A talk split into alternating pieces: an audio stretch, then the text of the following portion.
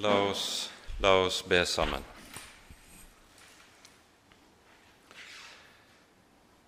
Kjære gode Herre, hellige Gud og Far. Så takker og lover vi deg at vi på ny skal forsamles i ditt navn og om ditt dyrebare ord.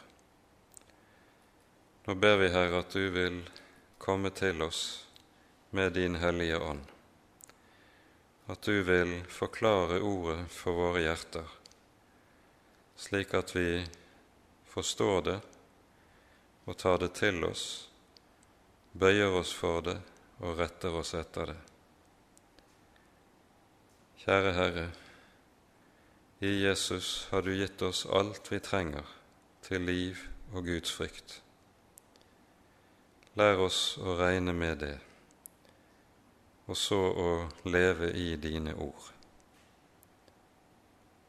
Det ber vi for Jesu navns skyld, og takker og lover deg, Herre, at du er god, og din miskunnhet varer til evig tid.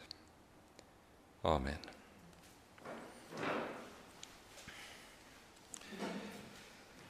Vi begynner altså i kveld på det femte kapittelet, og vi leser nå til åpning de tolv første versene i kapittelet.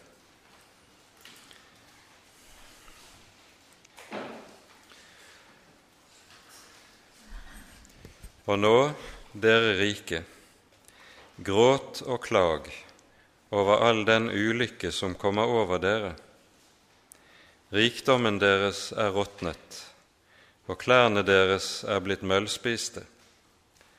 Deres gull og sølv er rustet bort, og rusten på det skal bli et vitnesbyrd mot dere, og den skal fortære deres kjød som ild. Dere har samlet skatter i de siste dager. Se, lønnen dere har holdt tilbake fra arbeiderne som har skåret åkrene deres, roper høyt og ropene fra høstfolkene er nådd frem til Herren Sebaots ører. Dere har levet i overdådighet og overflod på jorden. Dere har gjødd deres hjerter på slaktedagen. Dere har domfelt og drept den rettferdige. Ingen gjør motstand imot dere. Vær tålmodige, brødre til Herren kommer. Se, bonden venter på jordens dyrebare grøde. Han venter tålmodig på den til den har fått tidlig regn og senregn. Vær også dere tålmodige, og styrk hjertene, for Herrens komme er nær. Sukk ikke mot hverandre, brødre, for at dere ikke skal bli dømt. Se, Dommeren står for døren. Mine brødre, ta profetene som talte i Herrens navn, til forbilde i det å lide ondt og være tålmodige. Se, vi priser dem salige som holder ut. Dere har hørt om Jobbs utholdenhet og sett den utgang Herren ga, for Herren er overmåte barmhjertig og miskunnelig. Men fremfor alt, brødre, sverg ikke, verken ved himmelen eller ved jorden, og heller ikke noen annen ed. La deres ja være ja, og deres nei være nei, for at dere ikke skal falle under dommen. Amen.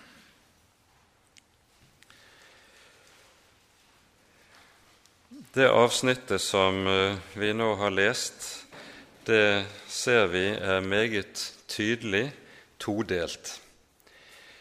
Første seks versene bærer i seg en meget skarp, kall det straffetale, eller en domstekst rettet mot de rike, mennesker som setter sin lit til sin rikdom, og som har rikdom og velstand som mål i livet. For det er det dette ordet betyr når det brukes på denne måten i vår bibel. Da ordet 'å være rik' brukes som vi hører det her i Jakobs brev, så betegner det altså ikke det i og for seg å være velhavende. Vi har eksempler, mange eksempler i vår bibel på at troende mennesker, fromme mennesker, kunne være velhavende. Ja, være det vi kaller for rike, uten at de av den grunn lastes for det. Men når ordet rikdom, eller å være rik, anvendes på den måten som vi her hører det i Jakobs brev, så betegner det altså mennesker som har mammon som sitt mål i livet, og som eh, derfor trår etter rikdom og har dette som sin hovedbeskjeftigelse. Og Derfor setter de også sin lit til mammon i stedet for til Herren. Og rikdom i denne betydning, det er ensbetydende med avgudsdyrkelse. Det er jo noe vi lærer en rekke steder i vår bibel.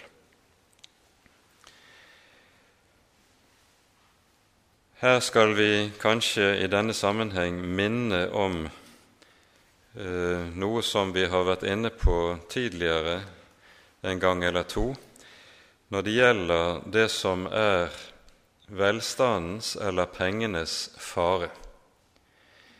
For det å ha mye av mammon, mye av penger, det er noe som alltid bærer med seg en åndelig fare. Og Vi skal nevne særlig tre momenter i den sammenhengen. For det første er det slik at den som har mye penger, han eh, kjenner seg fri. Hvis du har mye penger, så kan du gjøre det du vil. Du kan reise dit du vil, kjøpe det du vil. Det er altså slik at rikdommen gir egoet anledning til å utfolde seg på en måte som få andre ting i tilværelsen gjør det. Og Derfor er rikdommen noe som veldig ofte representerer en åndelig fare. Den gir meg denne frihet til selvutfoldelse og selvdyrkelse. For det andre er det slik at rikdom det innebærer en fristelse til å stole på det som en har, i stedet for på Gud. Å ha mange penger, det får ofte et menneske til å føle seg trygg. Man kan jo ofte høre at man har sikret seg sin fremtid hvis man har orden på økonomien og på pensjonsmidlene osv. Og, og har du sikret din fremtid, da er du trygg. Men hvis trygghet kom av slike ting, da hvilte vår fremtid i mammons hender og ikke i Herrens hender. Men fordi det er slik at vi stadig har dette liggende i blodet, at vi heller stoler på det vi kan se og ta og føle på, enn på Han som er den usynlige Gud, så er det mye lettere for oss å stole på pengene vi har på, på bankkontoen, i stedet for å stole på Guds løfter. Og Dette viser seg alltid når man eventuelt blir stående der og lider nød og lider mangel. Nettopp i dette stykket er Israel under ørkenvandringen, ørkenvandringen, sånn som vi hører det i annen Mosebok, et stadig forbilde for oss. Etter at folket har gått gjennom Det røde hav, så hører vi det sies i det siste verset i kapittel 14.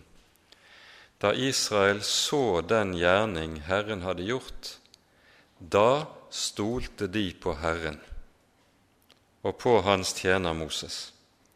Altså, de ser, og når de ser, da er det lett å tro. Men så hører vi de går tre dagsreiser ut i ørkenen.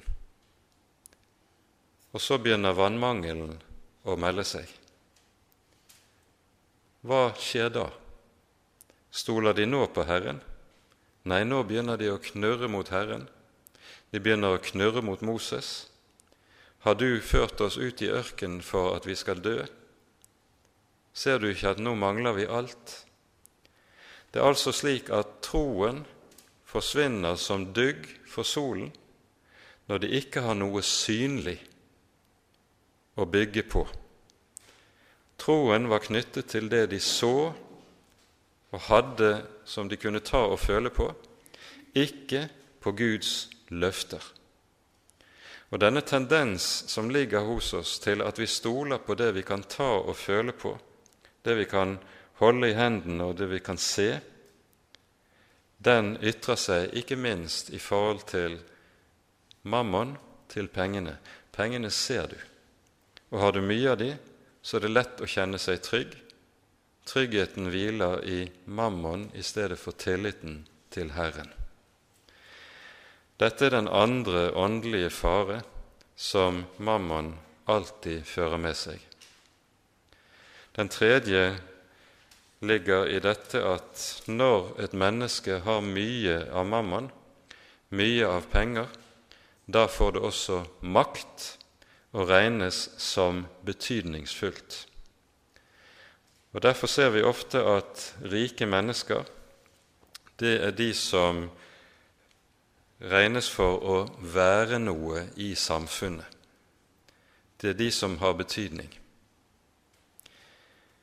Og denne makt som pengene gir eh, et menneske, det er en makt som ofte er meget lett å misbruke overfor andre mennesker til å holde dem nede, til å undertrykke dem og til å utnytte dem til egen vinning og til egen fordel. Og dette er noe som vår bibel også advarer oss på det aller sterkeste imot. Det er disse tre åndelige farer som vi skal være oppmerksom på, og som alle sammen gjerne har det med seg også at den som har mye av mammon, også blir hovmodig og selvsikker. Vi skal ikke gå meget mer inn på dette.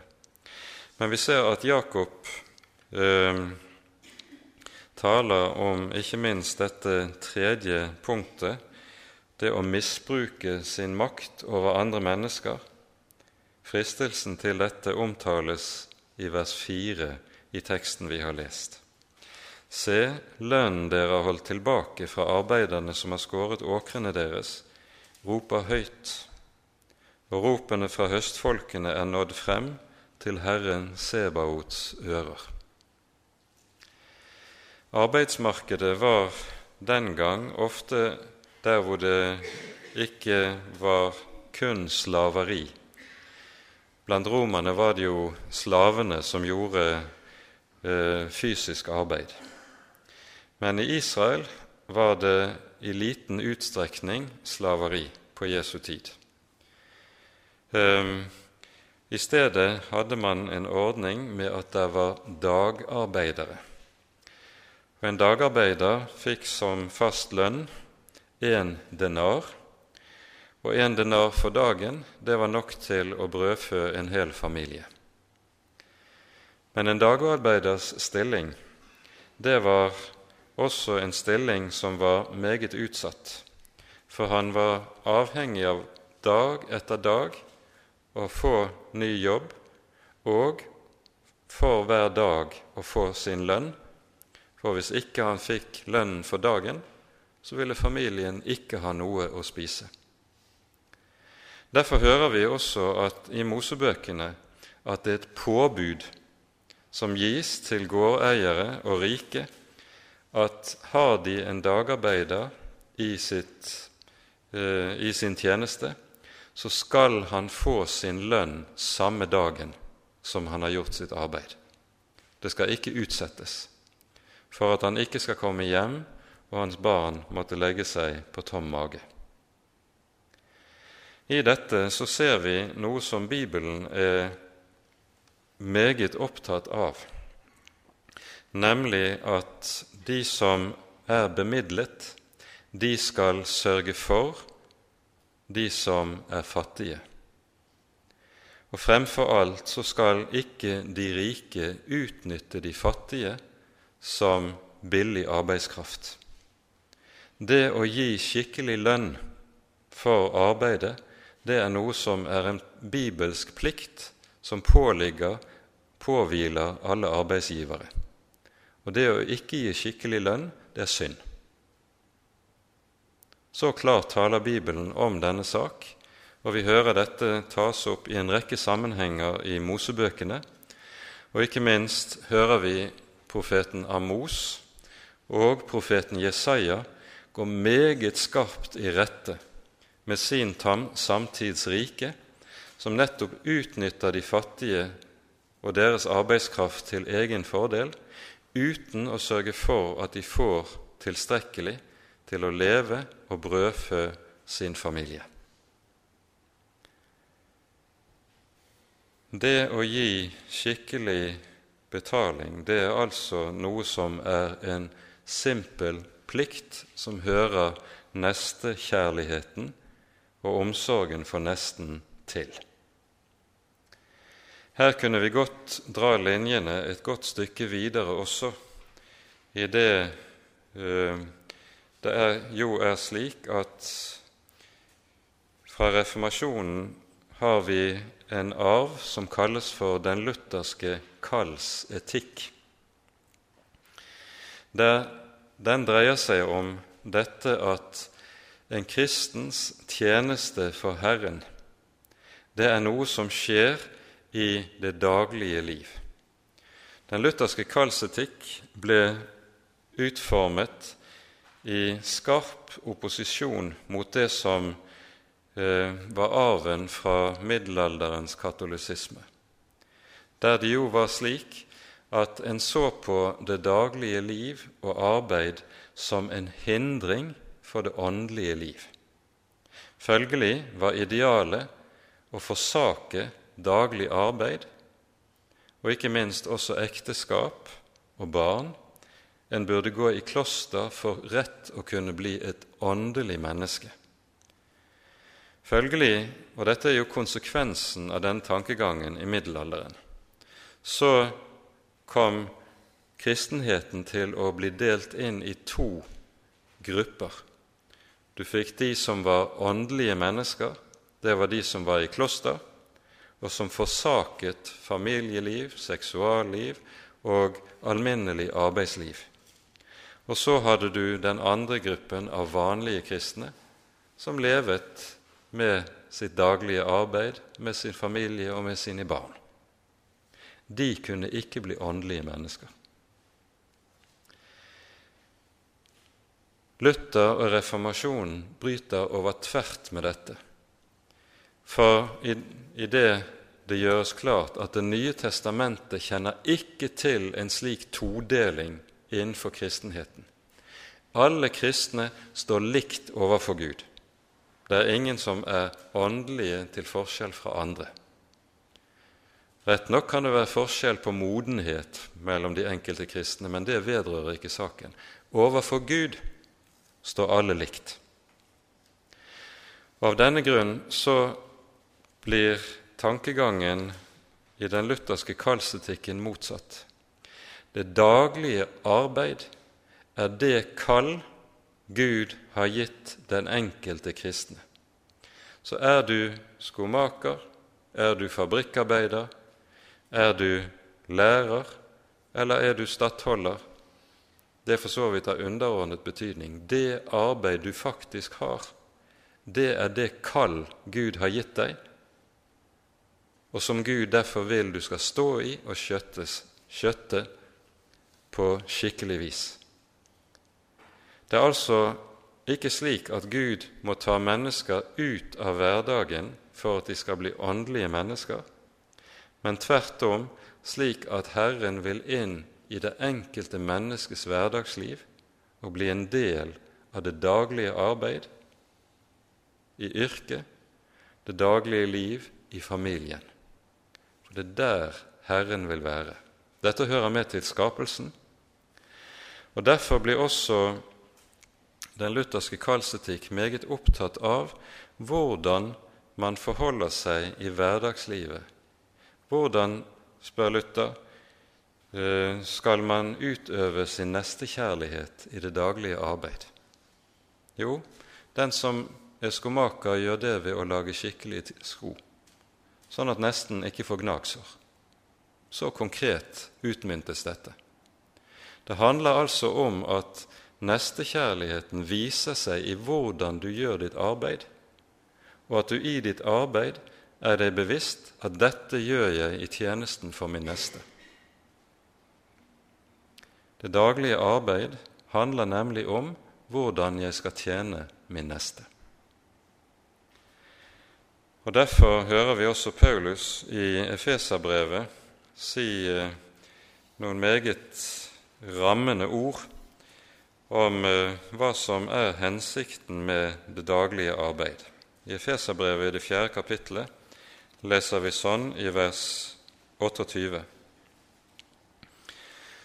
I en serie med formaninger til de troende sies det slik.: Den som stjal, må ikke stjele lenger, men heller arbeide og gjøre noe godt med sine egne hender, så han kan ha noe å gi til dem som trenger det. Merk det, det står en hensiktssetning her. Arbeide med sine hender så han kan ha noe å gi til den som trenger det. Dette sier noe om hensikten med det daglige arbeid. Hensikten ligger i nestekjærligheten, og hvem er det som trenger det? Her er det jo slik at vi lever eh, livet vårt nærmest med konsentriske sirkler. De første som trenger det jeg vinner gjennom mitt daglige arbeid, det er min familie og mine barn.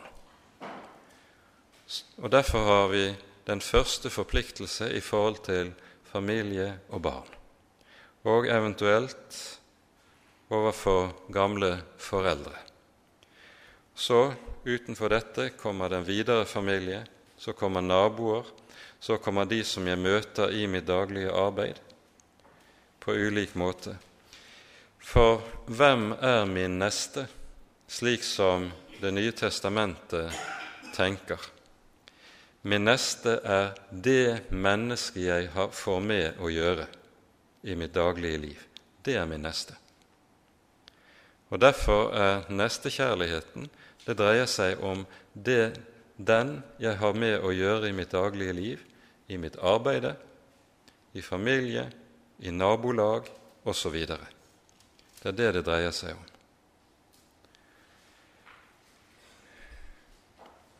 Når vi hører disse skarpe ordene til de rike her i Jakobs brev, så er dette altså ord som føyer seg inn i noe som er en tenkning som omfatter hele vårt dagligliv, slik Bibelen ser det.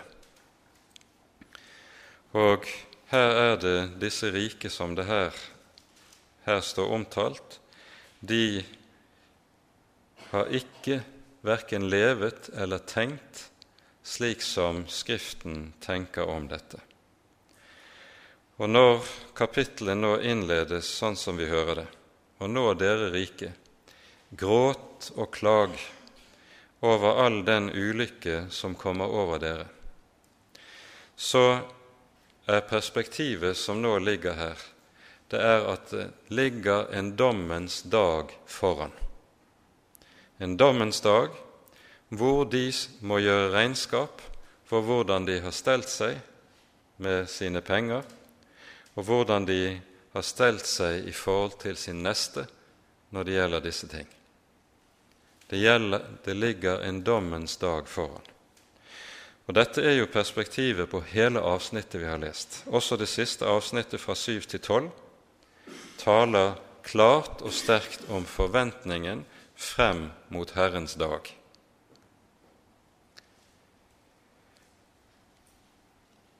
Jakob bruker meget skarpe og meget sterke ord.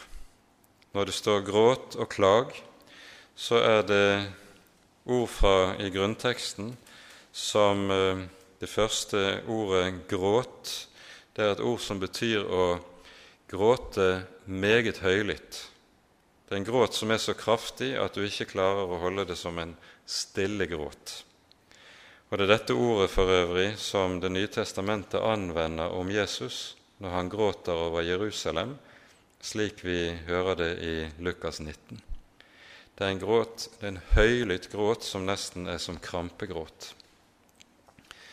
Det andre uttrykket, klag, det er et uttrykk som anvendes om den typen klagerop eller redselskrik som et menneske kan stå overfor eller ytre når du står overfor dødsfare, eller som vi forstår det her, overfor dommen og skal møte sin dommer. Denne art angst og redsel står omtalt mange steder i vår bibel. Mest kjent er kanskje det som vi finner i Jesaja-bokens annet kapittel, og som gjentas i åpenbaringsboken. Der står det i slutten av kapittel 2 hos Jesaja slik.: På den dag skal menneskene kaste sine guder av sølv og gull, som de har laget for å tilbe dem, bort til muldvarpene og flaggermusene, og de skal gå inn i fjellkløftene og i berghulene for Herrens gru og for Hans høyhets herlighet, når Han reiser seg for å forferde jorden. Det er dypt alvorlige ord, men det er dette som ligger i bunn når Jakob nå taler som han gjør. Det som så kommer i vers 2 og vers 3, det skjønner vi, det er ord som er hentet fra bergpreken. Samle dere ikke skatter på jorden, hvor møll og rust tærer, sier Jesus i Matteusevangeliets sjette kapittel.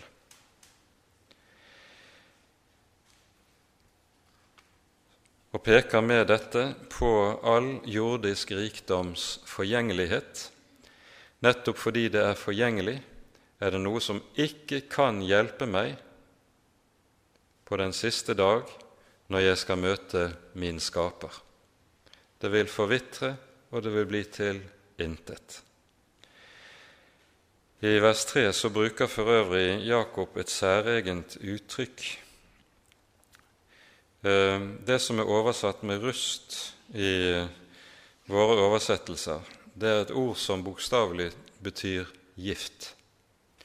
Rusten på det skal bli til et vitnesbyrd mot dere, og den skal fortære deres kjød som ild. Det er like som en gift som altså brenner i kroppen, det uttrykket som anvendes her. Og så kommer den store ironien i slutten av vers 3. Dere har samlet dere skatter i de siste dager. Den største dårskap som tenkes kan. Det er en gammel kristen sats som sier at det er ikke lommer i likkjorten. Vi kan intet ta med oss når vi skal dø. Det vi eier, hjelper oss ikke når vi skal møte vår Skaper. Og Derfor er det den største dårskap når det er slik at vi skal møte vår Skaper og være kun opptatt med å kare til oss av denne verdens gods. Dere har samlet skatter i de siste dager. Større dårskap kan ikke tenkes. Og så hører vi klagen i vers 4 fra arbeiderne som har blitt undertrykt av de rike, og uttrykket som anvendes, ropene fra høstfolkene, er nådd frem til Herren. Det er eh, ord som minner om det vi hører om Kain og Abel i Første Mosebok 4. din brors blod roper til meg fra jorden, sier Herren til Kain. På denne måten så ser vi hvorledes bibelordet like som er innvevet i alt Jakob sier, selv om han ikke siterer dette direkte. Likevel så er det bibeltekster fra Det gamle testamentet som gjennomvever og ligger under alt vi hører hos Jakob gjennom hele hans brev. Han er dypt fortrolig med Det gamle testamentet. Når vi hører Jakob her anvender et særlig gudsnavn som vi ikke ellers finner på denne måten i Det nye testamentet, så har det også sin spesielle grunn. Ropene fra høstfolkene er nådd frem til Herren Sebaots ører. Sebaot det er et hebraisk ord som betyr herskarer. Og I Det gamle testamentet er det vanligvis oversatt med 'herskarenes Gud'. Vi har jo dette eh, uttrykket i eh, nadværliturgien når vi synger fra englesangen fra Jesaja 6. Hellig, hellig, hellig er Herren. Sebaot sang man i den gamle liturgien. Er Herren herskarenes Gud, synger vi. Når Herren kalles for herskarenes Gud, så er dette en betegnelse på Gud som den allmektige. Alle him himmelens og jordens hærskarer står under ham, står til hans forføyning, fordi han har skapt det og har alle ting i sin makt, i sin hule hånd. Her på jorden kan de rike kanskje være mektige, men de skal vite disse rike som Jakob her taler til. Gud er herskarenes Gud. Den makt de har hatt på jorden, hjelper den ikke den dagen de skal møte sin skaper. Og Derfor anvender Jakob altså dette gudsnavnet i denne sammenhengen. Og Her skal vi kanskje også minne om at dette er noe som enhver bibelleser alltid bør være oppmerksom på. I Skriften så ser vi at Gud benevnes med en rekke ulike navn. Han gir seg selv mange forskjellige navn. Og Disse navnene er aldri tilfeldige merkelapper som anvendes av poetiske grunner eller for at du skal ha bokstavrim i teksten eller slike ting. Gudsnavnene står der alltid som noe som likesom samler hele tekstinnholdet i en konsentrert og komprimert kjerne. Så Derfor er det å gi akt på hvilke gudsnavn som anvendes i bestemte tekstsammenhenger i Skriften, alltid uhyre viktig når du leser i Skriftene.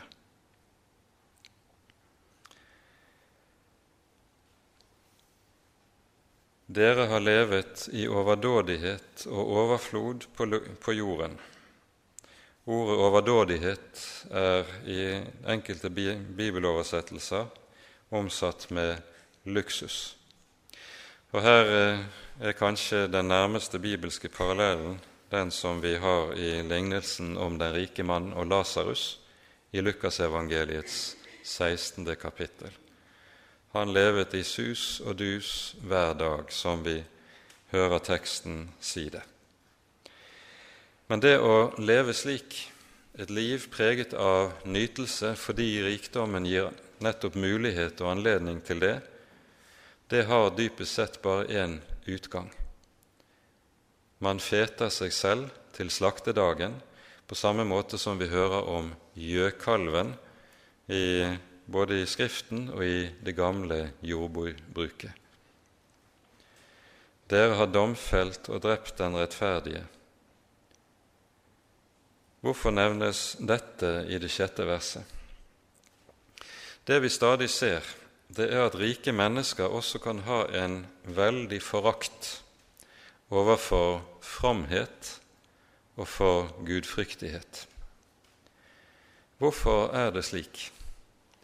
Mye av årsaken til dette ligger i at de gudfryktiges nærvær i seg selv representerer en brodd i samvittigheten deres. De vet at det som de gudfryktige sier og taler, er sant, men man ønsker ikke å høre det.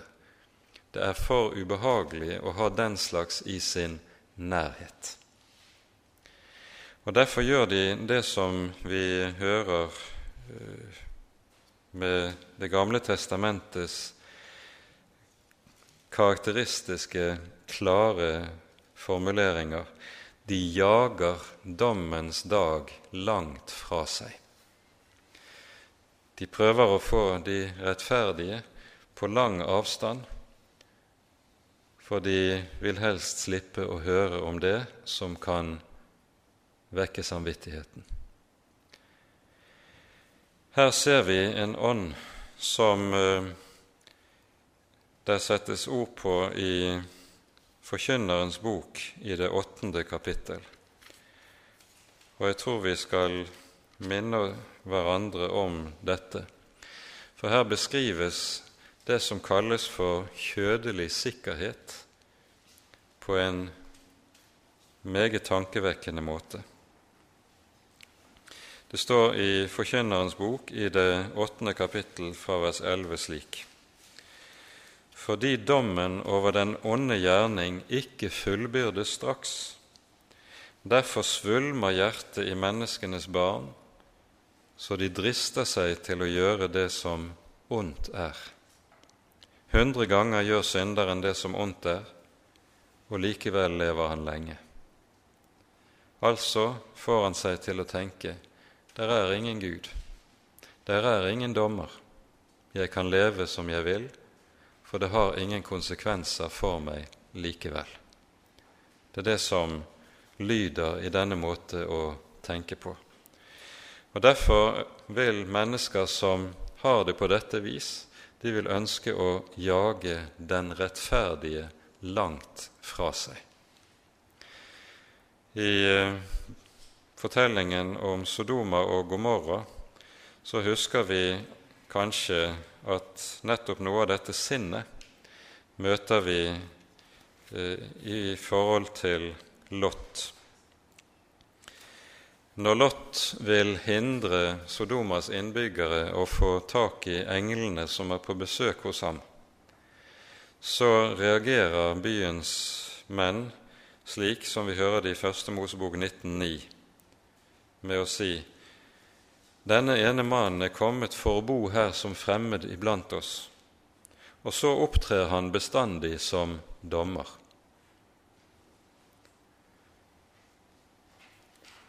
Ja, jeg tror vi kanskje har hørt den tonen også i våre dager.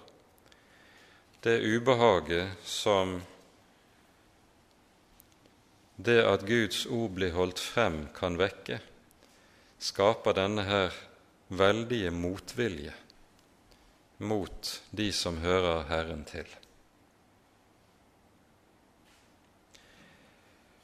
Nå har Jakob altså i de seks første versene i dette kapittelet talt om de rike og advart dem om hva som ligger foran. Der kommer en dommens dag. Og så taler han til Herrens troende. Og eh, nå er det en annen tone som lyder. Vær tålmodige, brødre, til Herren kommer. Og så i vers 8.: Vær også dere tålmodige, for Herrens komme er nær. Og i vers 9.: Se, dommeren står for døren. Det er et særlig kjennetegn på åndelig livskraftige tider at da er også forventningen om Herrens gjenkomst sterk. Mens det er motsatt, et kjennetegn på åndelige forfallstider, at da er tanken på Jesu gjenkomst kommet fullstendig i bakgrunnen slik at man knapt vier dette en tanke, verken i ord eller i praksis. Man er blitt så opptatt med denne verdens ting at forventningen er blitt borte. Det er et vitnesbyrd om livskraften, den åndelige friskheten i den nytestamentlige menighet, når vi ser hvorledes nettopp forventningen om Jesu gjenkomst dirrer så sterkt i menighetene. Denne forventning henger sammen med at Jesus jo har sagt at de troende de skal våke enhver stund fordi vi ikke kjenner dagen eller timen. Derfor handler det å være et kristent menneske om alltid å våke. Våk og be, for deres forløsning stunder til. Det å våke, det handler om å vandre i lyset, slik som Det nye testamentet taler om det. Det vil si å leve i syndenes forlatelse for Guds ansikt daglig. Og det er intet annet som på grunnleggende vis, eller på mer grunnleggende vis, kan sies å høre med til det å våke. Det er å leve i lyset. Dette uttrykket som vi finner i 1. Johannes brev, det har en motsetning. Dersom vi sier at vi har samfunn med ham, men vandrer i mørket, da lyver vi og gjør ikke sannhet. Hva er det å vandre i mørket? Jo, det forstår vi av tekstsammenhengen i eh, 1. Johannes brev. Det er at man ikke lever åpent med Herren, altså bekjenner sin synd. Man gjør det motsatte, man skjuler sin synd. Man gjør det som David talte om i Salme 32. Det står 'da jeg tidde'. Det var en periode etter fallet med Urias og med Batseba at David ikke ville bekjenne sin synd. Det gikk antagelig ni måneder før det, han fikk hull på bilen og da skjedde det gjennom profeten Natan sin hjelp. Ni måneder der David gjør det som Bibelen kaller for å vandre i mørket. Han tidde og ville ikke gjøre opp når det gjaldt sin synd. Dette er noe av det som er kanskje det aller viktigste kjennetegn på levende kristendom. Det er at det ikke det er ikke det at en kristen er fri fra sine synder, eller har overvunnet sine synder, for det har ingen kristen. Men det er det at en kristen, når han faller i synd, så kommer han til Jesus med det. Herre, du kjenner meg. Frels meg og fri meg fra dette. Det er denne daglige omvendelse og daglige bekjennelse som er det å vandre i lyset. Nå taler Jakob i vår sammenheng om å være tålmodig. Når tidene er vanskelige, da vet vi hvordan det kan være. Da kan det være oppleves rent subjektivt som at tiden går uhyre langsomt. Og med den perioden som de troende sto overfor da Jakobs brev ble skrevet, og årene som fulgte, så var det jo stadig tyngre tider som ventet den kristne menighet, med forfølgelse som vokste seg stadig sterkere, motstand, ondt rykte osv. Og, Da er det også at det blir nødvendig med denne formaningen 'vær tålmodige, brødre'. Hva er kristen tålmodighet for noe? Det kan kanskje best samles ved hjelp av det uttrykket som anvendes i en rekke sammenhenger i Det gamle testamentet. Det tales om å bie på Herren og vente på Herren. Det er kjernen i den kristne tålmodighet. Den som venter på Herren, han tar seg ikke til rette. Den som venter på Herren, han prøver ikke å løpe foran sin Herre og sin Mester, men han ber om å få lov til alltid å følge i hans fotspor. Den som venter på Herren, han lever stille for Herrens åsyn. Og vi kan godt si at det er et kjennetegn ved den som venter på Herren, det vi leser i Jesaja-bokens 30. kapittel. I stillhet og i tillit skal deres styrke være. Dersom dere vender om og holder dere rolige skal dere frelses. Men altså i stillhet og i tillit skal deres styrke være. Det sentrale ord som taler om det sinn som Herren får lov til å prege, til forventning, til tålmod. I Det nye testamentet finner vi ikke en sånn sats som vi har hørt fra nyere tid vær utålmodig menneske.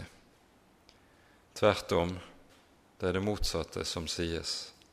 Vær tålmodige. Og vi hører dette med tålmodighet, det tillegges overmåte stor betydning for de troende. I 2. Korinterbrevs 12. kapittel hører vi at Paulus, når han taler om seg selv og om sin tjeneste som apostel, så taler han om en apostels tegn som ble gjort ved ham. Og til disse tegn som hørte en apostel til, så nevner han tålmodighet. Det er altså ikke det som mange kunne forvente eh, når de hører et sånt uttrykk, at da var det store tegn og mirakler og under. Nei, tålmodighet nevnes først. Det er vel verd å grunne over. Det greske ordet som er oversatt med tålmodighet i våre bibler, det er et det hypomone, det er et ord som betyr bokstavelig å bli værende under. Verbet 'bli værende', som eh, er den andre leddet i dette ordet, det er det verbet Jesus anvender når han taler om vintreet. Bli i meg. Bli værende i meg, er det Jesus sier så bærer dere megen frukt. Hypomone, det er å bli værende under, altså man står under et trykk som en har tålmodighet til å bli værende under, uten altså å ta seg til rette for å komme fri fra det. En blir værende der idet en bier på Herren. I Salme 27 har vi dette kjente ordet 'Bi på Herren'. Vær ved godt mot, og ditt hjerte være sterkt. Ja, bi på Herren. Og det samler i, på mange måter i en kort sum noe av det det dreier seg om i denne sammenheng. Men kanskje vi skal understreke at det det her handler om, det er nettopp det som står i denne setningen. Det står 'bi på Herren. Det står ikke 'bi på Herrens kraft'. Det står ikke 'bi på Herrens hjelp'.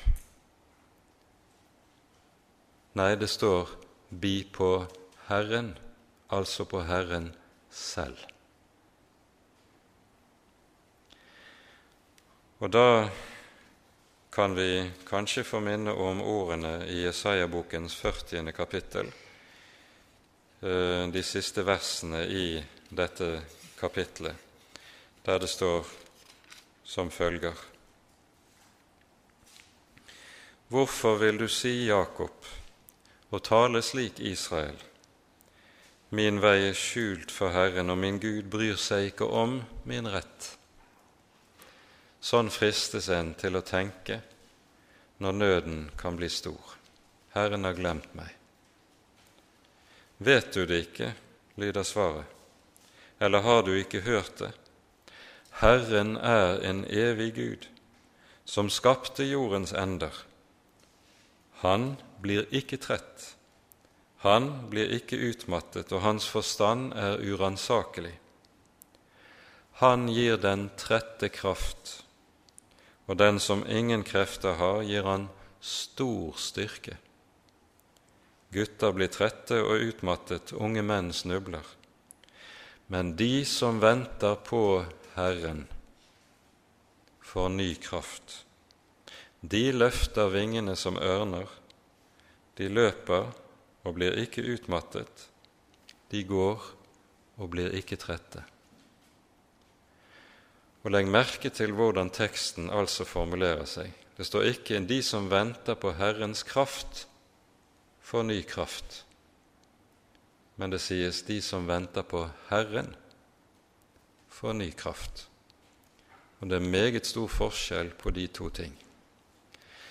For med dette så beskrives hvorledes et hjerte er rettet mot Herren selv.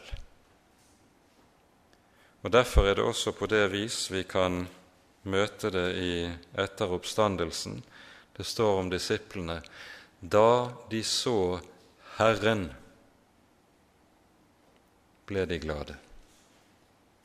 Da de så Herren, ble de glade. Det å få lov til å møte Herren selv det var det som var kilden til alt annet. Jakob taler altså i avsnittet vi har lest om tålmodighetens betydning, tålmodighetens nødvendighet.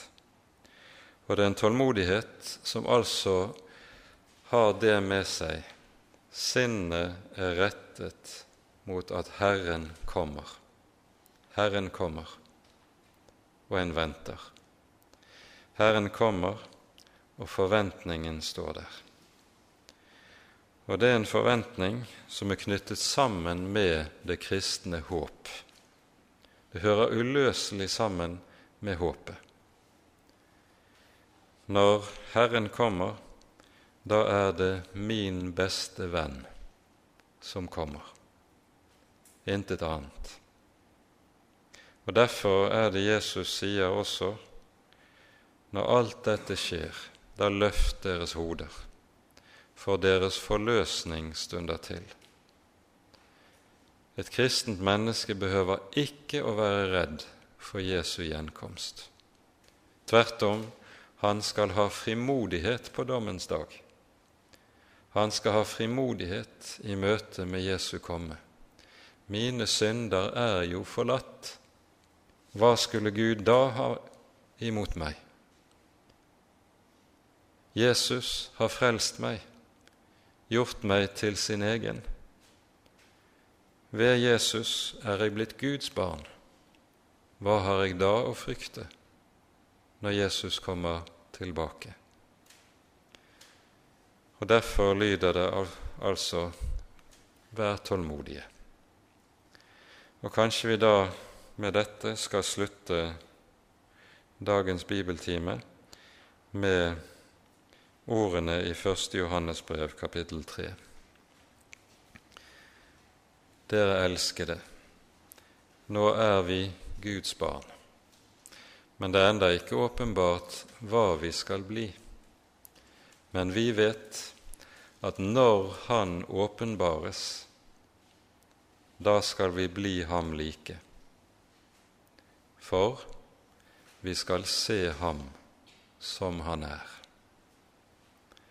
Det forvandlende syn, det synet som forvandler alt, og forvandler deg og meg fra innerst til ytterst. Vi skal bli ham like, for vi skal se ham som han er. Ære være Faderen og Sønnen og Den hellige ånd, som var og er og være skal en sann Gud, høylovet i evighet. Amen.